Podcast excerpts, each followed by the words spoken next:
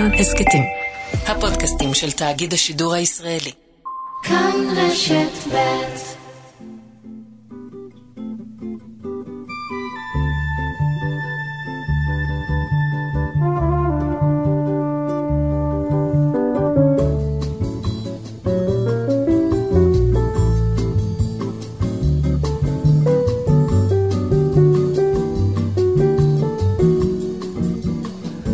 רב לכם המאזינות והמאזינים, תודה שהצטרפתם אלינו. אלה שהצטרפו, תודה שאתם ממשיכים איתנו, אלה הממשיכים.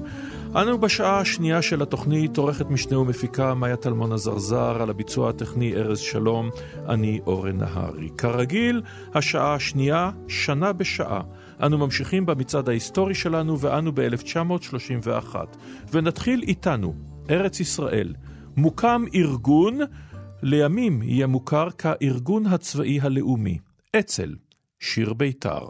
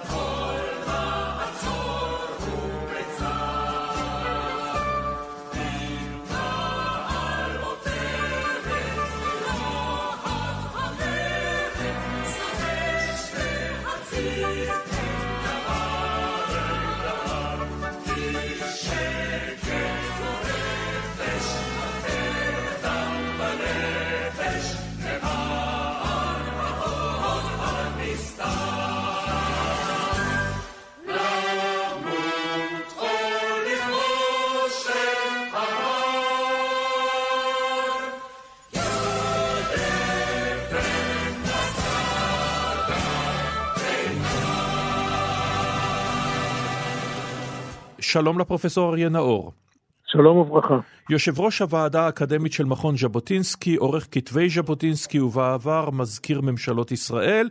אם כן, ב-1931 פרישה של קבוצה ירושלמית מארגון ההגנה, אה, תהומי עומד בראשה, מה הוא טוען בעצם? אברהם תהומי, שכינויו היה גדעון, עמד בראש הקבוצה הזאת והיה למפקד הראשון של הארגון הצבאי הלאומי. הם טענו שבעצם אנחנו פסיביים בתגובות שלנו כלפי ההתקפות של הערבים במאורעות או בפרעות של 1929, ובמקום לחכות שיבואו ויתקיפו אותנו ואז נתגונן, אנחנו צריכים לקום ולצאת עליהם. טענה דומה העלה קצת יותר מאוחר יצחק שדה כשהוא הקים את, אה, את הפושים, את הפלמ"ח זאת גישה יותר צבאית ופחות מיליציונית. רגע, עכשיו, אבל מדובר פה בקבוצה מאוד קטנה, אם אנחנו מדברים על צבא נכון. מול מיליציה, ודבר נוסף וחשוב, במי הם רואים את האויב ראשית כל? האם טוב. אלה הערבים או הבריטים?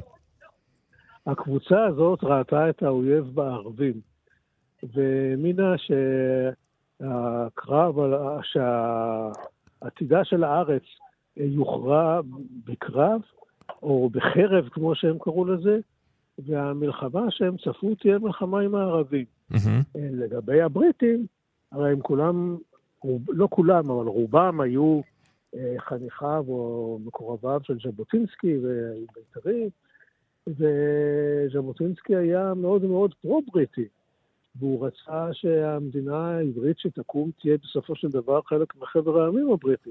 הוא לא רצה ללחום בהם. Mm-hmm. זה השתנה אחר כך במלחמת העולם, כשגם בגין קיבל את הפיקוד על האצ"ל ותפיסתו הייתה אחרת. אז עכשיו, האצ"ל נולד בעצם מההגנה, אבל המייסדים בסופו של דבר, בניגוד ל- ל- לארגונים אחרים, אפשר לטעון אפילו במדינות אחרות, לא היו המשפיעים לטווח הארוך. בשלב מסוים ההנהגה עוברת מידיהם לידי אנשי בית"ר. איך, איך קורה התהליך הזה? זה תהליך אה, דו-שלבי. מצד אחד היא עוברת לידי אנשי בית"ר, אבל מצד שני, חלק מהמייסדים הללו מצטרפים לבית"ר. Mm-hmm. ביניהם דוד רזיאל, שהיה אחר כך המפקד הראשי של האצ"ל ונציב אה, בית"ר בארץ ישראל. אה, כי בעצם הם קיבלו את האידיאולוגיה של ז'בוטינסקי, אפילו אברהם תהומי, שהיה בכל רמ"ח איבריו, הוא היה חלק מהממסד המפא"יניקי אה, דאז, ואפילו הוא קיבל בעצם את האידיאולוגיה של ז'בוטינסקי בעניין קיר הברזל ובעניין הצורך ביוזמה, אה, לא רק מדינית, אלא גם צבאית. ובאופן אה, טבעי התרחש התהליך הזה, שההשפעה עברה לידי הבית"רים, והאחרים הצטרפו אליהם. אתה... אבל, כן. אבל, תהומי ועוד כמה מהמייסדים הללו, בסופו של דבר, כשהגיעה ההצעה שהתקבלה על דעתה מההגנה להתאחד מחדש, היו מוכנים לפרק את החבילה הזאת ולחזור חזרה הביתה. עכשיו, האם אתה רואה איזשהו קשר, אה, אה, אולי אפילו קרבה רעיונית, בין, לצורך העניין, הפרישה של הארגון מההגנה שבסופו של דבר הייתה הממסד, ולצורך העניין הפרישה של ז'בוטינסקי המדינית מ, אה, אה, אה, מליבת העשייה הדיפלומטית, דבר שבעצם הכריע אה, את השליטה על, אה, על היישוב, השליטה המדינית אה, אה, והפוליטית, לטובת אה, בן גוריון ואנשיו למשך שנים רבות. אתה רואה קשר בין הדברים או שזה פשוט, הם, הם קרו בערך באותו זמן, בלי שום הם... קשר? הם קרו בערך באותו זמן, בלי קשר ישיר, אבל באיזשהו קשר עקיף כן, מכיוון שהתפיסה של ז'בוטינסקי, שדיברה על אקטיביזם מדיני, על אקטיביזם צבאי, אה, בניגוד, לא לבן גוריון, אלא בניגוד לוויצמן, mm-hmm. מבחינה, מבחינות רבות, הקו של ז'בוטינסקי היה דומה לקו של בן גוריון. הם היו יריבים פוליטיים, mm-hmm. אבל הם ראו את המצב בצורה די דומה, כפי שהוכח הלכה למעשה, כאשר בתיווכו של רוטנברג הם נפגשו לכמה ימים בלונדון ויצאו אה, עם שורה של הסכמים שבהם הם ראו עין בעין את המצב. אחר כך במשאל חברים של ההסתדרות אה, ביטלו את ההסכמים האלה. אבל אה, שני האישים הללו היו קרובים הרבה יותר ממה שחושבים. ואם אתה מסתכל אה, בזמן אמת, זאת אומרת, לא בראייה בדיעבד, שתכף נגיע לכך, אבל בזמן אמת, ב- בראשית שנות ה-30, ואפשר לומר אפילו בהמשכן, מה מידת ההשפעה, אם בכלל, של, של אצ"ל, שהוא ארגון, אני מזכיר, ארגון קטן, וגם מבחינת הפעילות, גם הפעילות הצבאית והביטחונית, אה, ההגנה, ולימים הפלמ"ח, מאפילים עליו. זה נכון, אבל uh, במחצית, במחצית השנייה של שנות ה-30, כשהיו מאורעות 36-29, והייתה מדיניות רשמית של הבלגה, אצ"ל, אה, בהנהגתו של רזיאל, יצא למבצעים שהם קראו להם שבירת ההבלגה. Mm-hmm. והם ביצעו פעולות שבאופיין היו דומות מאוד לפעולות התגמול שצה"ל עשה בשנות החמישים הראשונות, גם כן בתגובה לטרור ערבי. אה, ותרומה אה, להתפתחות החשיבה בהחלט הייתה כאן, אה, ולא במקרה כשרזיאל נהרג בסופו של דבר בשליחות בריטית נגד הנאצים, אחד האנשים שפרסמו מודעת אבל גדולה על מותו בעיתון דבר היה יצחק שדה, כי גם הוא ראה את המצב בצורה דומה. עכשיו, אז אם אתה אומר שבן גוריון וז'בוטינסקי ראו את המצב בצורה דומה, ויצחק שדה ורזיאל ראו את המצב הצבאי אה, בצורה דומה, אני שם את הלח"י בצד כי הם היו משהו אחר לחלוטין, אחר. אז נכון. מדוע בעצם השנאה, מדוע בעצם המאבק? האם זה היה, כי זה לא היה רק אפשר להיות ציני ולבוא ולומר זה מאבק על השליטה, זה מאבק על המשרות, זה מאבק מי יוביל את מדינת ישראל, אבל היה גם מחלוקת אידיאולוגית, אז איפה היא נופלת בדיוק? הייתה מחלוקת אידיאולוגית עמוקה מאוד מאוד, שקשורה אה, בסוציאליזם. Mm-hmm. באותו זמן מפא"י הייתה מפלגה סוציאליסטית, אה, לא, לא בולשביקית חס ושלום, mm-hmm, אבל, אבל סוציאליסטית. וז'בוטינסקי ואנשיו היו אה, יותר קפיטליסטים, ליברליים. תפיסת הלאומיות של ז'בוטינסקי הייתה לאומיות ליברלית. Mm-hmm. זאת אומרת, גם אה, אה, לאומיות, אבל גם אה, חופש כלכלי מוחלט, יוזמה חופשית. על הדברים האלה הייתה המחלוקת העיקרית. גם על מעמדה של ההסתדרות. לא. האם, אה, האם אה, מי שאיננו חבר הסתדרות זכאי לקבל אה, עבודה, אה, או שהוא צריך קודם להצטרף להסתדרות ורק אחר כך אפשר יהיה לתת לו הפנייה לקבלת עבודה. על דברים מהסוג הזה היו המריבות הגדולות, mm-hmm. ואפילו קטטות ומכות mm-hmm. בין הארגונים השונים. ועכשיו, אם אנחנו מסתכלים בראייה בדיעבד, ראייה בדיעבד של היסטוריון, לא של פוליטיקאי, אתה היית ב, ב, בשולי הפוליטיקה, נקרא לזה כך. כן. Uh, האצ"ל, אני, אתה יודע מה, אני אגיד את זה בצורה פרובוקטיבית. אם האצ"ל לא היה קיים, עדיין מדינת ישראל הייתה קמה כי ככוח צבאי בשנים הקריטיות שלאחר מלחמת העולם השנייה עד קום המדינה, האצ"ל והלח"י, הלח"י עוד כמובן הרבה יותר קטן מהאצ"ל, היו, היו שוליים במידה רבה. תסתור את דבריי. מה היה קורה אילו זאת שאלה שקשה מאוד להשיב עליה, וייתכן שקשה מאוד אפילו לשאול אותה. אינני יודע מה היה קורה אילו. לעומת זאת, אני יודע מה אמר לי מנחם בגין, אה, כשהייתי מזכיר הממשלה שלו, על האופן שבו הוא ראה אז, בתקופה מאוחרת של חייו, את התרומה היחסית של אצ"ל ליציאת הבריטים ולהקמת המדינה. הוא אמר כך, הבריטים היו מפנים את ארץ ישראל בין כך ובין כך, מכיוון שאחרי שהם החליטו לצאת מהודו, האינטרס המרכזי שהיה להם בשליטה על האזורים הסמוכים לתעלת סואץ הלך והתפוגג. הם היו יוצאים מכאן, זה גם היה חלק מתהליך עולמי של אחרי מלחמת העולם השנייה, של דה-קולוניזציה, הם היו יוצאים. אלא מה?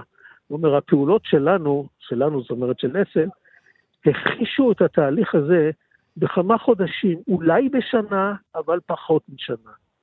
וזה מספיק, מכיוון שאתה לא יכול לתאר לעצמך אה, שאחרי פרוץ משבר ברלין בשנת 48', אפשר היה להגיע להצבעה משותפת של ארה"ב וברית המועצות בעניין אה, תוכנית החלוקה והקמת המדינה. זה מה שאמר בגין כשהוא היה ראש ממשלה, אחרי שעשה כבר את חוזה השלום במצרים, ואז קיימנו את השיחה הזאת. נקודה מרתקת. תודה לך על הדברים האלה, הפרופסור אריה נאור, יושב ראש הוועדה האקדמית של מכון ז'בוטינסקי, עורך כתבי ז'בוטינסקי, ובעבר מזכיר ממשלות ישראל. הפוגה מוזיקלית, 1931, אחד השירים הידועים והאהובים מוצא אל השוק, השיר As Time Goes By, כשהזמן חולף, שיזכה לתהילה כשהוא יהיה בסרט קזבלנקה.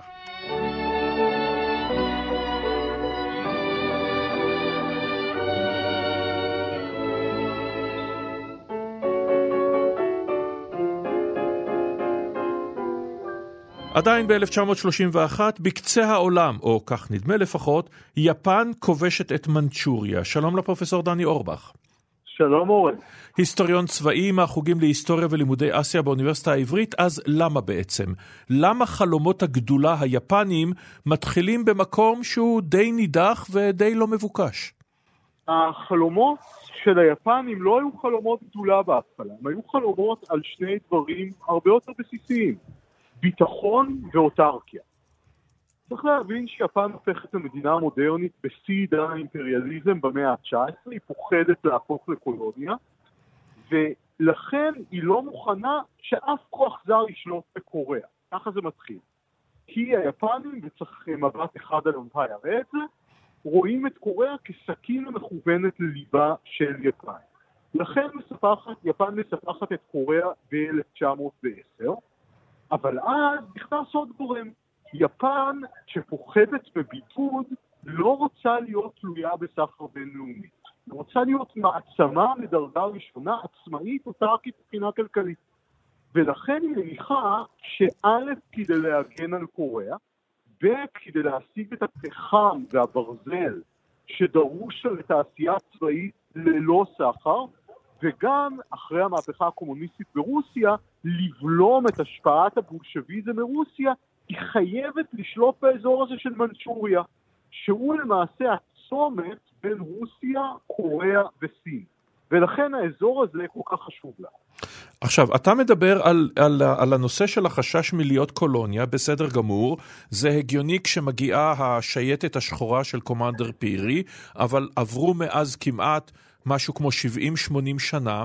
בינתיים יפן עברה את הרסטורציה של מייג'י, היא הפכה להיות מעצמה, היא גוברת על רוסיה במלחמת רוסיה-יפן. מה החששות שלה כרגע? כרגע היא לא עוברת למוד של מהתגוננות ל... אה, אה, לשליטה, לפחות במזרח אסיה? היא תמיד פוחדת שהאויב יתחזק ויקיף אותה ויגבר עליה. שרוסיה הקומוניסטית, הצארית ואחר כך הקומוניסטית תפלוש, שארצות הברית תבודד אותה במצור ימי במזרח אסיה. באופן אירוני, ככל שיפן הולכת ומתחזקת, ככה החששות של הבוגרים, ובעיקר יש לה סוג של תחושת עלבון מהעולם. מכיוון שהיפנים שפיתחו את התפיסה האסטרטגית שלהם בשיא עידן האימפריאליזם במאה ה-19, בטוחים שהם יהיו מדינה שווה בין שוות, שהם יהיו מספיק חזקים. והנה, ניצחנו את רוסיה, היינו מספיק חזקים. אבל היפנים וגם דעת הקהל הלאומנית מבלבלת בין להיות מדינה שווה בין שוות לבין לעשות כל מה שאני רוצה. ולכן, מכיוון שיש לה הרבה מעצמות אינטרסים בסין, ומכיוון שמגבילים שם את יפן, לא נותנים לה לעשות מה שהיא רוצה, היא חשה יותר ויותר זועמת ומבודדת, ולכן רוצה לקחת את גורלה בעצמה ולשלוט באותם משאבי טבע שיספקו לה אוטרקיה. וזה... שלא, לא רק יפן רצתה אוטרקיה, זה למעשה הסיפור של הפשיזם, של איטליה, של גרמניה, השאיפה הזאת לאימפריה שתיתן אוטרקיה, וגם יפן. כן, מרחב המחיה הגרמני ומרחב השגשוג המשותף היפני, וצריך להוסיף על כך את הזעם והעלבון שהיא לא מקבלת לתחושתה, אגב גם איטליה, למרות שהיא בצד המנצח במלחמת העולם הראשונה, היא לא מקבלת שום דבר, וגם כן, כמובן, הנושא הגזעני, התחושה שלהם שהם לא מקבלים כבוד כי הם לא אה, אה, אנשים לבנים. מתי מטרת העל הופכת להיות מכיבוש מנצ'וריה, נגיד כהתגוננות, לכיבוש סין, שנזכיר שנמצאת בהתפוררות מאז אה, קריסת הקיסרות הסינית ושלטון אלי המלחמה. מתי זה הופך להיות על הפרק חד משמעית? אני חושב שאין לנו תאריך ספציפי שאפשר לשים עליו את היד. מה שקורה ביפן... אבל זה קורה מאוד מהר, כי ב-31 מתחיל כיבוש מנצ'וריה, ב-37 זה כבר תקרית uh, גשר מרקו פולו ותחילת הכיבוש של סין גופה. אבל כל זה לא היה מתוכנן, זאת נקודה קריטית. ביפן הדינמיקה החוקתית, משפטית, פוליטית הייתה שהממשלה לא שולטת בצבא, וגם שגנרלים ספציפיים לא נשלטים על ידי הרמטכ"ל או שר הצבא. ולכן מה שקורה שבמנצ'וריה וסין מתחילות יוזמות פרטיות של כל מיני גנרלים שכל אחד מהם רוצה לכבוש עוד מקום, עוד נקודה אסטרטגית, עוד משאבים. כיבוש מנצ'וריה, שאנחנו מדברים עליו ב-18 בספטמבר 31, זה לא הוראה של הממשלה היפנית, וגם לא של הרמטכ"ל, זאת פעולה עצמאית של קצינים שהמדינה היפנית נגררת בה. ולכן האימפריאליזם היפני בסין ממשיך בחוסר סדר, לא בעקבות איזושהי תוכנית אב. Mm-hmm.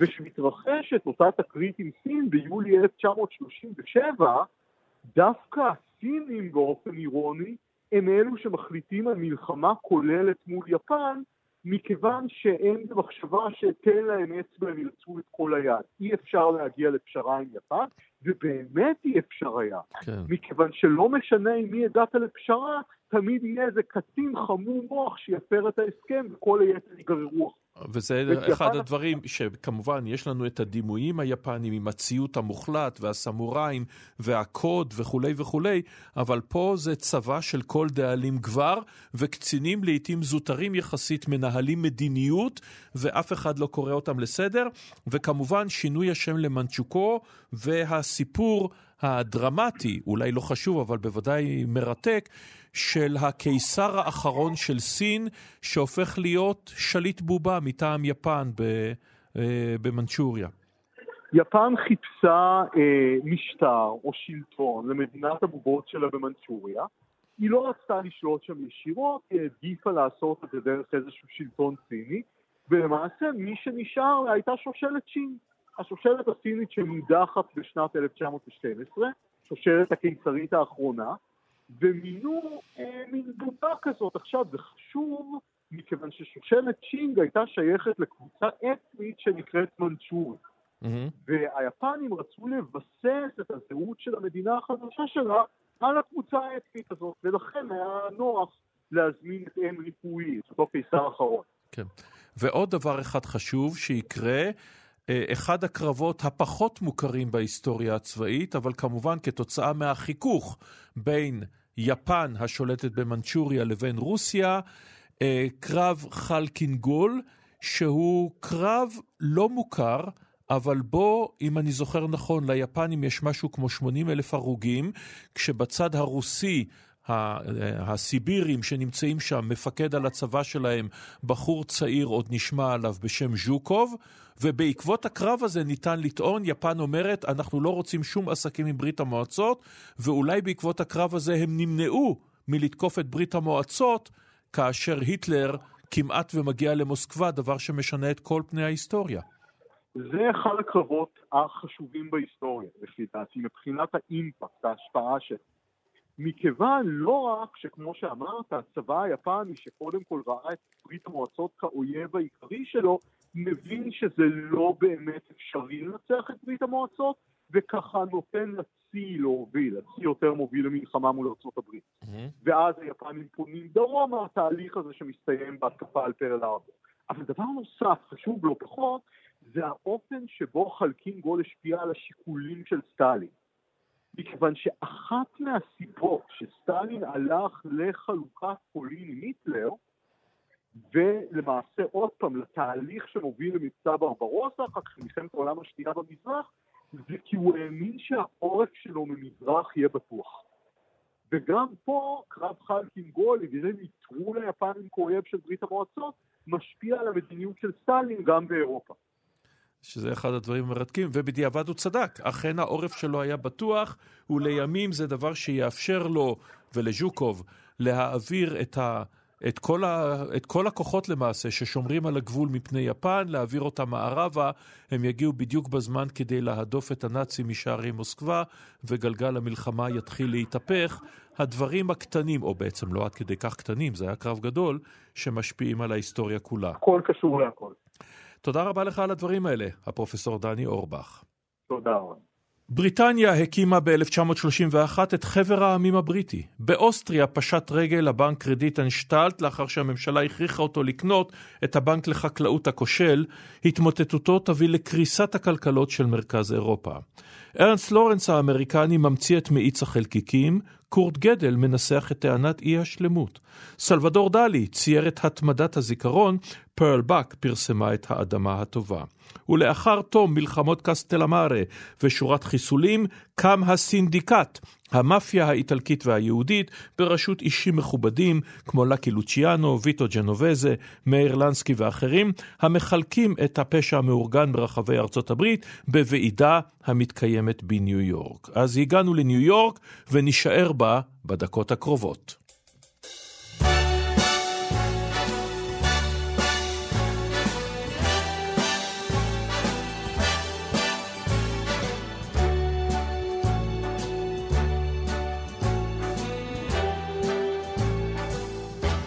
Start spreading the news. I'm leaving today. I want to be a part of it. New York, New York.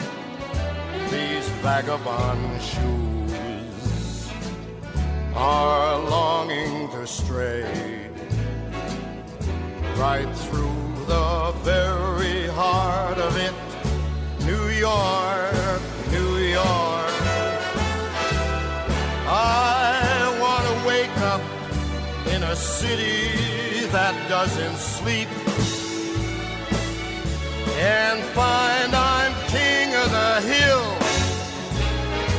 top of the heap. These little town. בניו יורק מושלם גורד שחקים ה-Empire State Building שיהפוך לאחד מסמליה האיקוניים של העיר. שלום לפרופסור טלי חתוקה. שלום, שלום. ראש המעבדה לעיצוב ותכנון עירוני באוניברסיטת תל אביב. אני זוכר שהייתה איזושהי אמרה שמארבעת גורדי השחקים המיתולוגיים של ניו יורק, יש את הקרייזלר, שעליו נתלה, אה, אה, אה, נתלה ספיידרמן ואחרים, ישנו האמפייר סטייט בילדינג, והמגדלים התאומים הם שתי הקופסאות ששני הגורדי שחקים האחרים הגיעו בתוכם. מה הייחוד של האמפייר סטייט בילדינג? מדוע הוא הופך לכזה סמל של ניו יורק? אז אני חושבת שקודם כל אה, הכל מתחיל בסיפור סביב ההקמה של המגדל הזה. Mm-hmm. ויש פה סיפור מאוד מאוד מעניין, יש פה את מנכ"ל, מנכ"ל ג'נרל מוטורס, רסקוב ועוד מישהו בשם סמית, שהוא בעצם המושל של, אה, הדמוקרטי של העיר ניו יורק, mm-hmm. ויחד הם בונים חלום. ואני חושבת שהסיפור הוא שב-1928 אה, סמית, שהוא בעצם המושל, רץ לנשיאות ארצות הברית, מוצא את עצמו נכשל וללא עבודה. הוא פונה לרסקוב, ויחד בזמן קצר, זמן שיא, מ-1928 עד 1931, הם בעצם מעמידים את הבניין הגבוה ביותר בעולם. והדבר הזה הוא בעצם סמל לא רק של אה, הצלחה ועוצמה על האומה האמריקאית, אלא גם איזשהו סמל מאוד מאוד משמעותי סביב הנושא של אה, עבודה ולייבור ותיעוש ואדריכלות אה, וטכנולוגיה מתקדמת. וגם כמובן... הוא נבנה בדיוק בתחילת המשבר הגדול, וכשהוא נכון. הושלם, זה בניין משרדים, הכינוי שלו במשך עשר שנים היה The Empty State Building, נכון. כי אף אחד לא שכר בו אה, משרדים. אבל נכון. מעבר לזה, כל אדם שחושב על ניו יורק, אנחנו רואים את ה... במיוחד את, את, את, ה, את הקומות העליונות, את הגובה של ה-Empire State Building, שהוא הופך לאיקוני יותר מאחרים עם אין ספור פגישות שנעשו במרפסת המפורסמת בסרטי קולנוע, כנראה גם במציאות, כל הדברים האלה. אה, מה חשיבותו הארכיטקטונית? אז קודם כל, כן צריך להגיד משהו על התהליך של, ה, של הבנייה. Mm-hmm. התכנון היה בזמן שיא של שבועיים. ובעצם... אה, שבועיים uh, לתכנן גורד שחקים? שבועיים, בדיוק. אז הסיפור הוא שכנראה האדריכלים uh, השתמשו באיזשהו uh, uh, טמפלט שהיה להם בניין אחר שהם תכננו בארצות הברית, mm-hmm. ו-3,400 אנשים עובדים על הפרויקט הזה, וכמו שאמרת ואתה צודק, זה נבנה בעצם בתקופת השפל, ובאמת הרבה זמן עומד ללא סוחרים. די כישלון מסחרי, אבל מבחינה אדריכלית, השימושים שלו תוכננו עם קשב רב לציבור. קודם כל, יש לו 85 קומות של מסחר ומשרדים, אבל בקומה ה-86 מצפה מבקרים. Mm-hmm. אז מראש כל הפתיחות שלו לקהל הרחב, וגם היום מיליונים מבקרים באתר הזה, אז יש לו נראות והוא ידוע בקרב אה, תושבים ברחבי העולם. נכון. הוא אה, מקום עלייה לרגל. אין הרבה גורדי שחקים שבעצם מזמינים אותך כתושב הגלובוס הזה לבקר בהם. ו-16 הקומות הנוספות משרתות בעצם את האנטנה שממוקמת למעלה, ובחוכמה רבה הם הופכים את כל החלק העליון לאיזשהו מיצב אה, ויזואלי. אז בעצם הם גם פותחים את הבניין לקהל הרחב, והם גם מנכיחים אותו כל הזמן באמצעות החלק העליון שלו, באמצעות הנראות שלו. הוא תזכורת תמידית, יומיומית, לקהל הרחב ולתושבים. הנה, אנחנו כאן, אנחנו הבניין הגבוה ביותר, ובאמת על, עד 1972 או אחת נדמה לי, הוא הבניין הגבוה ביותר בעולם.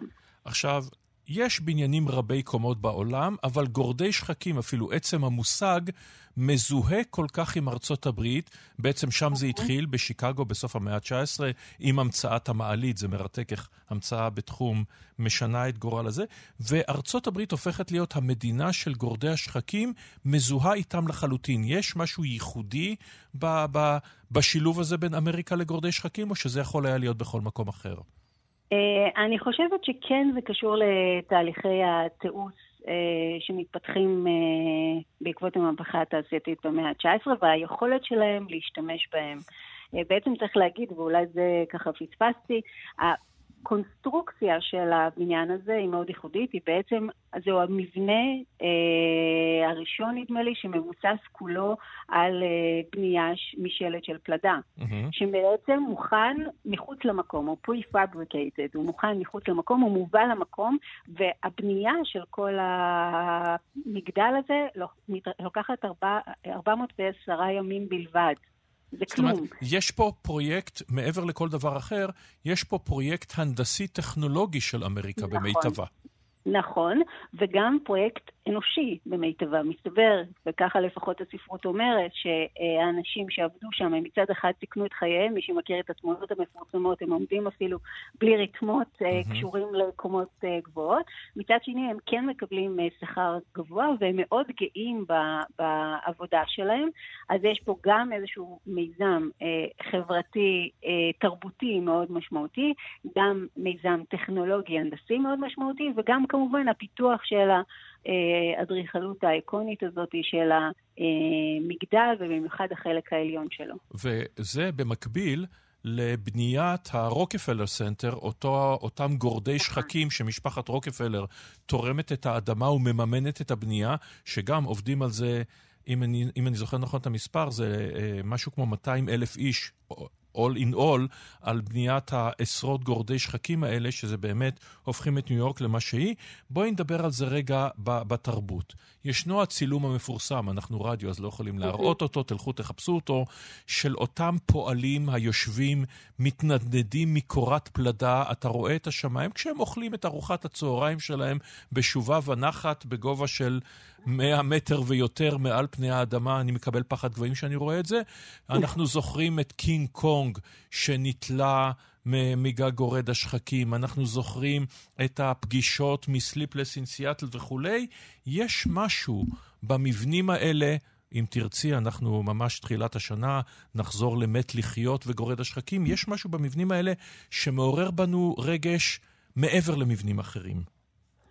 אז נכון, קודם כל, אה, גורדי שחקים הם הקתדרלות של המאה ה-20, mm-hmm. ואולי יותר של המאה ה-20 מאשר המאה ה-21, שם אנחנו כבר, היום אנחנו רואים את זה כמובן מאליו. ולכן הם מציתים את הדמיון והם הופכים להיות חלק מה... אה, הסמל הזה נכנס כמעט לכל אה, ספירה התרבותית, לספרות, לקולנוע אה, וגם הצילומים, שדרך אגב, אמנם הזכרת את הצילום הזה שהם יושבים ואוכלים ארוחת צהריים, אבל אלו, אלו הם צילומים מוזמנים. Mm, חלק מהקמפיין של... אה, של היזמים של הבניין הזה כדי אה, לחשוף אותו לקהל הרחב ולציבור הרחב. ובאמת התמונות הללו, ויש הרבה תמונות, זה לא, לא התמונה היחידה, mm. שהם נתלים ונראים, אה, הם גם מה שאתה זוכר כאשר אתה בא לבקר אה, במקום. ובעצם, אם אני חוזרת לשאלה הראשונה שלך, למה זה כל כך משמעותי? מכיוון שקודם כל לבניין הזה יש היסטוריה, הוא בניין אחד הראשונים שמצליחים לייצר את ה... האפקט הזה, והיום כשנבנים מבנים, מבנים אה, גבוהים כאלה, אין להם את אותו מעמד, גם אם הם מאוד יצירתיים ואפילו אה, יש להם אה, מספר קומות גבוה יותר, אה, להיות אה, אייקונים בצורה כזאת. צריך עוד משהו להגיד על uh, הבניין הזה, הוא כל הזמן uh, מומצא מחדש. היום בעצם uh, הוא עבר איזשהו תהליך של retrofitting בשפה המקצועית, זה בעצם חשיבה מחדש על כל המערכות שלו, חשיבה על הנושא של האנרגיה, של הפליטות, הם הצליחו לחסוך 40 אחוז. מהפליטות שלהם, אז בעצם גם חשיבה על קיימות, איך הבניין הזה מתיישן לאורך הזמן, איך הוא בעצם ייראה אולי בעוד 50 שנה, 80 שנה, כשלא נהיה כאן. אז אני חושבת שמה שמאפיין גם את הבניין הזה זה כל הזמן גם החיים שמתרחשים בו וגם החשיבה והעדכון שלו בראייה עכשווית. וזה משהו יוצא דופן, יש מעט מאוד מבנים מהסוג הזה, גורדי שחקים, שהם כל כך רפלקסיביים למה שקורה אה, בציבור ובזירות אה, המקצועיות. תודה לך על הדברים האלה, הפרופסור טלי חתוקה. תודה רבה. ועוד שיר נולד בשנת 1931, חלום עליי חלום קטן, נשמע אותו בגרסה האיקונית של האימהות והאבות. Birds singing in the sycamore tree, dream a little dream of me. וב-1931 יוצא לאור ספר, 35 במאי שמו, וספר נוסף, פצפונת ואנטון. הזדמנות נהדרת לדבר על אחד מסופרי הילדים האהובים, ובצדק מוחלט, לדעתי לפחות, ערך קסטנר הגרמני, שלום לגיל הר אבן. שלום. סופרת וחובבת קסטנר, את אמורה להיות אישה כבדת ראש, כותבת על ישראל של כאן ועכשיו, וסופר הילדים? קודם כל כתבתי גם ספרים לילדים, ובעיניי גם קטגוריה שנקראת ספרות לילדים. Mm-hmm. ספרות טובה לילדים היא פשוט ספרות טובה, אני לא חושבת שיש אה, חוקים אחרים אה, לספרים שנמוכי קומה קוראים אותם. רגע, אז בואי נדבר שנייה על העניין הזה. בכל זאת, צריך טיפה לפשט אותם. השפה, הדימויים, העולם, הם צריכים להיות מעט שונים. לא כן, מה, מה סוד הקסם? איך, איך מצליחים בזה? תראה, קודם כל, אני לגמרי לא בטוחה בעניין אה, לפשט את השפה. Mm-hmm. ילדים הם חובבי שפה טבעית. Mm-hmm. תראה לי ילד שלא נהנה להגיד טירנוזרוס רקס, או... הילדים חובבים שפה, הם יוצרים בשפה. הרעיון שצריך לדבר אל ילדים בשפה דלה הוא רעיון קלוקל לגמרי בעיניי. לא, לא שפה דלה, אבל בכל זאת, את יודעת, את לא, את לא תכתבי אליהם, אני יודע מה, ברמה של, של שפה, אם את רוצה, שפה מקראית, או, או, או, או מטאפורות שמבוגרים אולי יבינו, וילדים יבינו פחות. זה נכון, גם לא במשפטים אה, של חצי עמוד נוסח הנרי ג'יימס, אבל בכל זאת. אה, אני חושבת גם שסופרי הילדים הגדולים באמת, אה, פשוט היה להם צורך לכתוב סיפור, הם לא נכון. לא כיוונו סיפור אל. בעניין הזה, אגב, ערך קסנר הוא יוצא דופן. מאיזו בחינה? תראה, אני יכולה להשוות אותו, נגיד, לאחת מאהבותיי הגדולות בספרות, אה, טובי ינסון, של ספרי המומינים, mm-hmm. או אסטריד לינגרן. אה, ברור שהיה להן עולם שהוא עמד בפני עצמו, הם חיו שם גם בלי קשר של להעביר את העולם הזה לילדים. אה, קסנר הוא סופר עם דחף חינוכי לא מבוטל. Mm-hmm. שבספרים מסוימים זה, זה עובד יפה כשהוא לא מסווה את עצמו. אה, אני חושבת שבספרים המאוחרים שלו, אה, בעיקר כבר זה מת... ניכר קצת ב-35 במאי, הוא מאוחר יותר בעצרת החיות, הדחף מטיפני. לחנך גובר עליו, גם השאלה לחנך למה. כן. שוב, אני רוצה להגיד, אני לגמרי לא מומחית לקסנר, אני, אני כאן מעבירה חוויות של קוראת, אבל אם בשנים מוקדמות אה, קסנר כמחנך רצה לדבר עם ילדים על דברים שנוגעים לעולמם, על גירושים, על חברויות, על מה זה נאמנות, אה, מתישהו הוא מרגיש צורך לחנך אותם לדברים הגדולים, mm-hmm. איך עושים שלום עולמי, על עולם ללא גבולות, על בניית אוטופיות, אה, ושם לטעמי לפחות זה, זה עולה פחות יפה.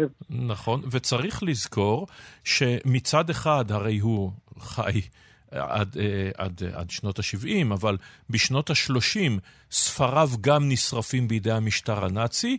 מצד שני, הוא לא עזב את גרמניה ונשאר בה בכל זמן מלחמת העולם השנייה, ולא, לצורך העניין, לא מצא את מותו במחנה ריכוז. היו יחסים אמביוולנטיים בינו לבין המשטר. כן, כן, ואני חושבת ש... עם השנים אה, מרגישים שהייאוש הולך וגובר עליו. יכול להיות שאחרי אחרי הירושימה הוא פשוט כתב, שוב, לא לילדים, בכתיבה שלו למבוגרים, ש... ש... אחרי דבר כזה ראוי שכדור הארץ לא יתקיים יותר ולא לא תהיה לזה שום משמעות מבחינת היקום. זאת אומרת, בני אדם שמסוגלים לדבר כזה. אה, אני חושבת שהדבר הזה גם מטפטף ל... לכתיבה שלו לילדים החל משלב מסוים. Okay. אני כן. חושבת שגם ב... גם ב-35 במאי, mm-hmm. הלחץ כבר ניכר, זאת אומרת, זה ספר ש... שיש בו שני יסודות. יסוד אחד באמת, אה, יסוד הדמיון החופשי, השטותניקי, mm-hmm. כי נונסנס נפלאים, 35 במאי זה נונסנס נהדר. זה המצאה נפלאה. יש לנו אישה שמנקה את קו המשווה, פארק עם כניסה חינם, אה, פארק כניסה חינם ולילדים חצי מחיר. אז זה יסוד אחד בספר, שהוא באמת היסוד המשוחרר. היסוד השני זה המציאות, שכוח הכבידה שלה כבר מורגש בספר, ו... תיאורים של מיליטריזם, כל מיני אזכורים של uh, רוב האנשים שחיים בחוסר קול, mm-hmm. שמי שאין לו כסף מת ברעב. Uh, מציאות מחלחלת, ומולה גם הדחף של, uh, של קסנר לחנך שם, כש... מת... כשהגיבור מסייר בכל כן. מיני מחוזות של דמיון, והוא מגיע לגן עדן טכנולוגי, שאגב הוא פנטסטי, כן. ונבואי. יש שם טלפונים ניידים ומכוניות mm. אוטונומיות. וכשגן העדן הזה מתפוצץ, אז הילד, אה, הגיבור, אה, מיד מבטיח ש... כשאני אגדל, אני נבנה לנו גן עדן חדש. כן. עכשיו... זה אה, כבר צ... לא אריך קסנר שמדבר עם ילדים על הגירושים של אבא ואמא, נכון. או על... כן. וצריך לומר שה-35 במאי מאוד חריג מספרי הילדים הכה מוכרים שלו, האחרים, אה, הכיתה המעופפת ופצפונת ואנטון ואמיל והבלשים, שהם נטועים מאוד גם בחוויות החיים של קסטנר, והם גם לא בורחים לפנטזיה, אם הזכרת את המומינים והזכרת אה, אה, את, את, את, את בילבי בת גרב וכל האחרים. זה בהווה מאוד מאוד, ואת יודעת, גיא, אני לא יכולתי שלא לחשוב, כשאני קורא את הספרים האלה, ואני חוזר אליהם מדי פעם, כי הם באמת נהדרים, מה עשו הילדים הכה מצפוניים האלה 10-12 שנה אחר כך, הרי הם כולם ארים טהורים, הם כולם גרמנים פטריוטים, הוא מאוד פטריוט, הוא מאוד בעד המדינה. כל המרטין והפרופסור וגוסטב ואנטון, הרי הם התגייסו לוורמאכט במינימום, אם לא לאס-אס, הם יצאו לשרת את מולדתם. בהחלט. אה, אני רק רוצה להעיר על משהו שאמרת אולי ברשע של הדברים, זה שספרות פנטזיה היא לאו דווקא אסקפיסטית. זאת אומרת, לפעמים בעיות, ה... שאלות החיים הגדולות ביותר נידונות דווקא בפנטזיה. חד משמעית, אבל אני מדבר על זה שלהבדיל אה, מאחרים, כן. הוא באמת כן, כן. נטוע במציאות, סוג של. כן. כן, כן, אולי, תשמע, אולי מי שנטוע במציאות דווקא מפספס דברים. כן. זאת אפשרות אחת. אה, אה, אם להיות עכשוויים, אני חושבת שג'יי קיי רולינג הייתה מצוינת בתיאור מציאות. נכון. לגמרי. אה, ויש... ויש רבים אחרים, כמובן. לא מעט אנשים חוזרים לקרוא עכשיו את הארי פוטר בתחושה שהי, מישהו מתאר מציאות. כן. אבל אה, לגבי הילדים ש... שגדלו על קסנר, תראה, קודם כל אני ספקנית מאוד uh, לגבי ספרות מחנכת, mm-hmm. וקסנר הוא הוא באמת מחנך במובן שהוא לא תמיד נפלא מבחינה ספרותית, אה, כי זו ספרות פרוגרמטית, זה סוג, אה, בוא נגיד, במילים אחרות זה סוג של תעמולה, mm-hmm. ותעמולה לאו דווקא מצליחה. אה, לאו דווקא מצליחה. מעבר לזה, תשמע, אנחנו חיים בתקופה שבה יש שאלה גדולה על כל נושא הרוח והתרבות, כן. ו... האשליה שאנשים שיקראו, רק יקראו את הספרות הנכונה, זה ויהיו מיד עם הדעות טובים. הנכונות, כן, את זה אנחנו כן. יודעים שזה לא יקרה, וצריך לומר שחלק מה, אה, מהקסם הוא גם האיורים הנפלאים של וולטר טריר, המאייר היהודי, שהוא אגב עזב את גרמניה, וטוב שכך, ב-1936, ומילה על התרגומים. כי כאשר מתרגמים את קסטנר לעברית, וזה קורה משלב מוקדם, זה בשנים שבהם גרמניה מוקצה לחלוטין. זאת אומרת, היו דרכונים תקף לכל המדינות פרט לגרמניה, ועשו שינויים בספרים, גם בשמות וגם בארצות, כדי לא להזכיר לנו דברים לא נעימים. אני מבינה את, ה, את הנסיבות שבהן זה נעשה, ויחד עם זה העניין של האוורור להפוך כל יצירה שהיא זרה לעברית כביכול, כן. אה, יש בו גם פספוס, אני חושבת, כי אני חושבת שחלק מההנאה שבלקרוא ספרות מן העולם זה, זה באמת התוודעות אל השונה, ולדעת שהשונה הוא השונה, הוא לא אני. ברור. קיבלנו את זה בשלגים ובחשמליות. של גרמניה, של בין שתי מלחמות העולם. בכל מקרה, אריך קסנר והספרים שלו עדיין מעולים ורבי קסם. תודה רבה לך, גייל הר אבן. תודה, אורן.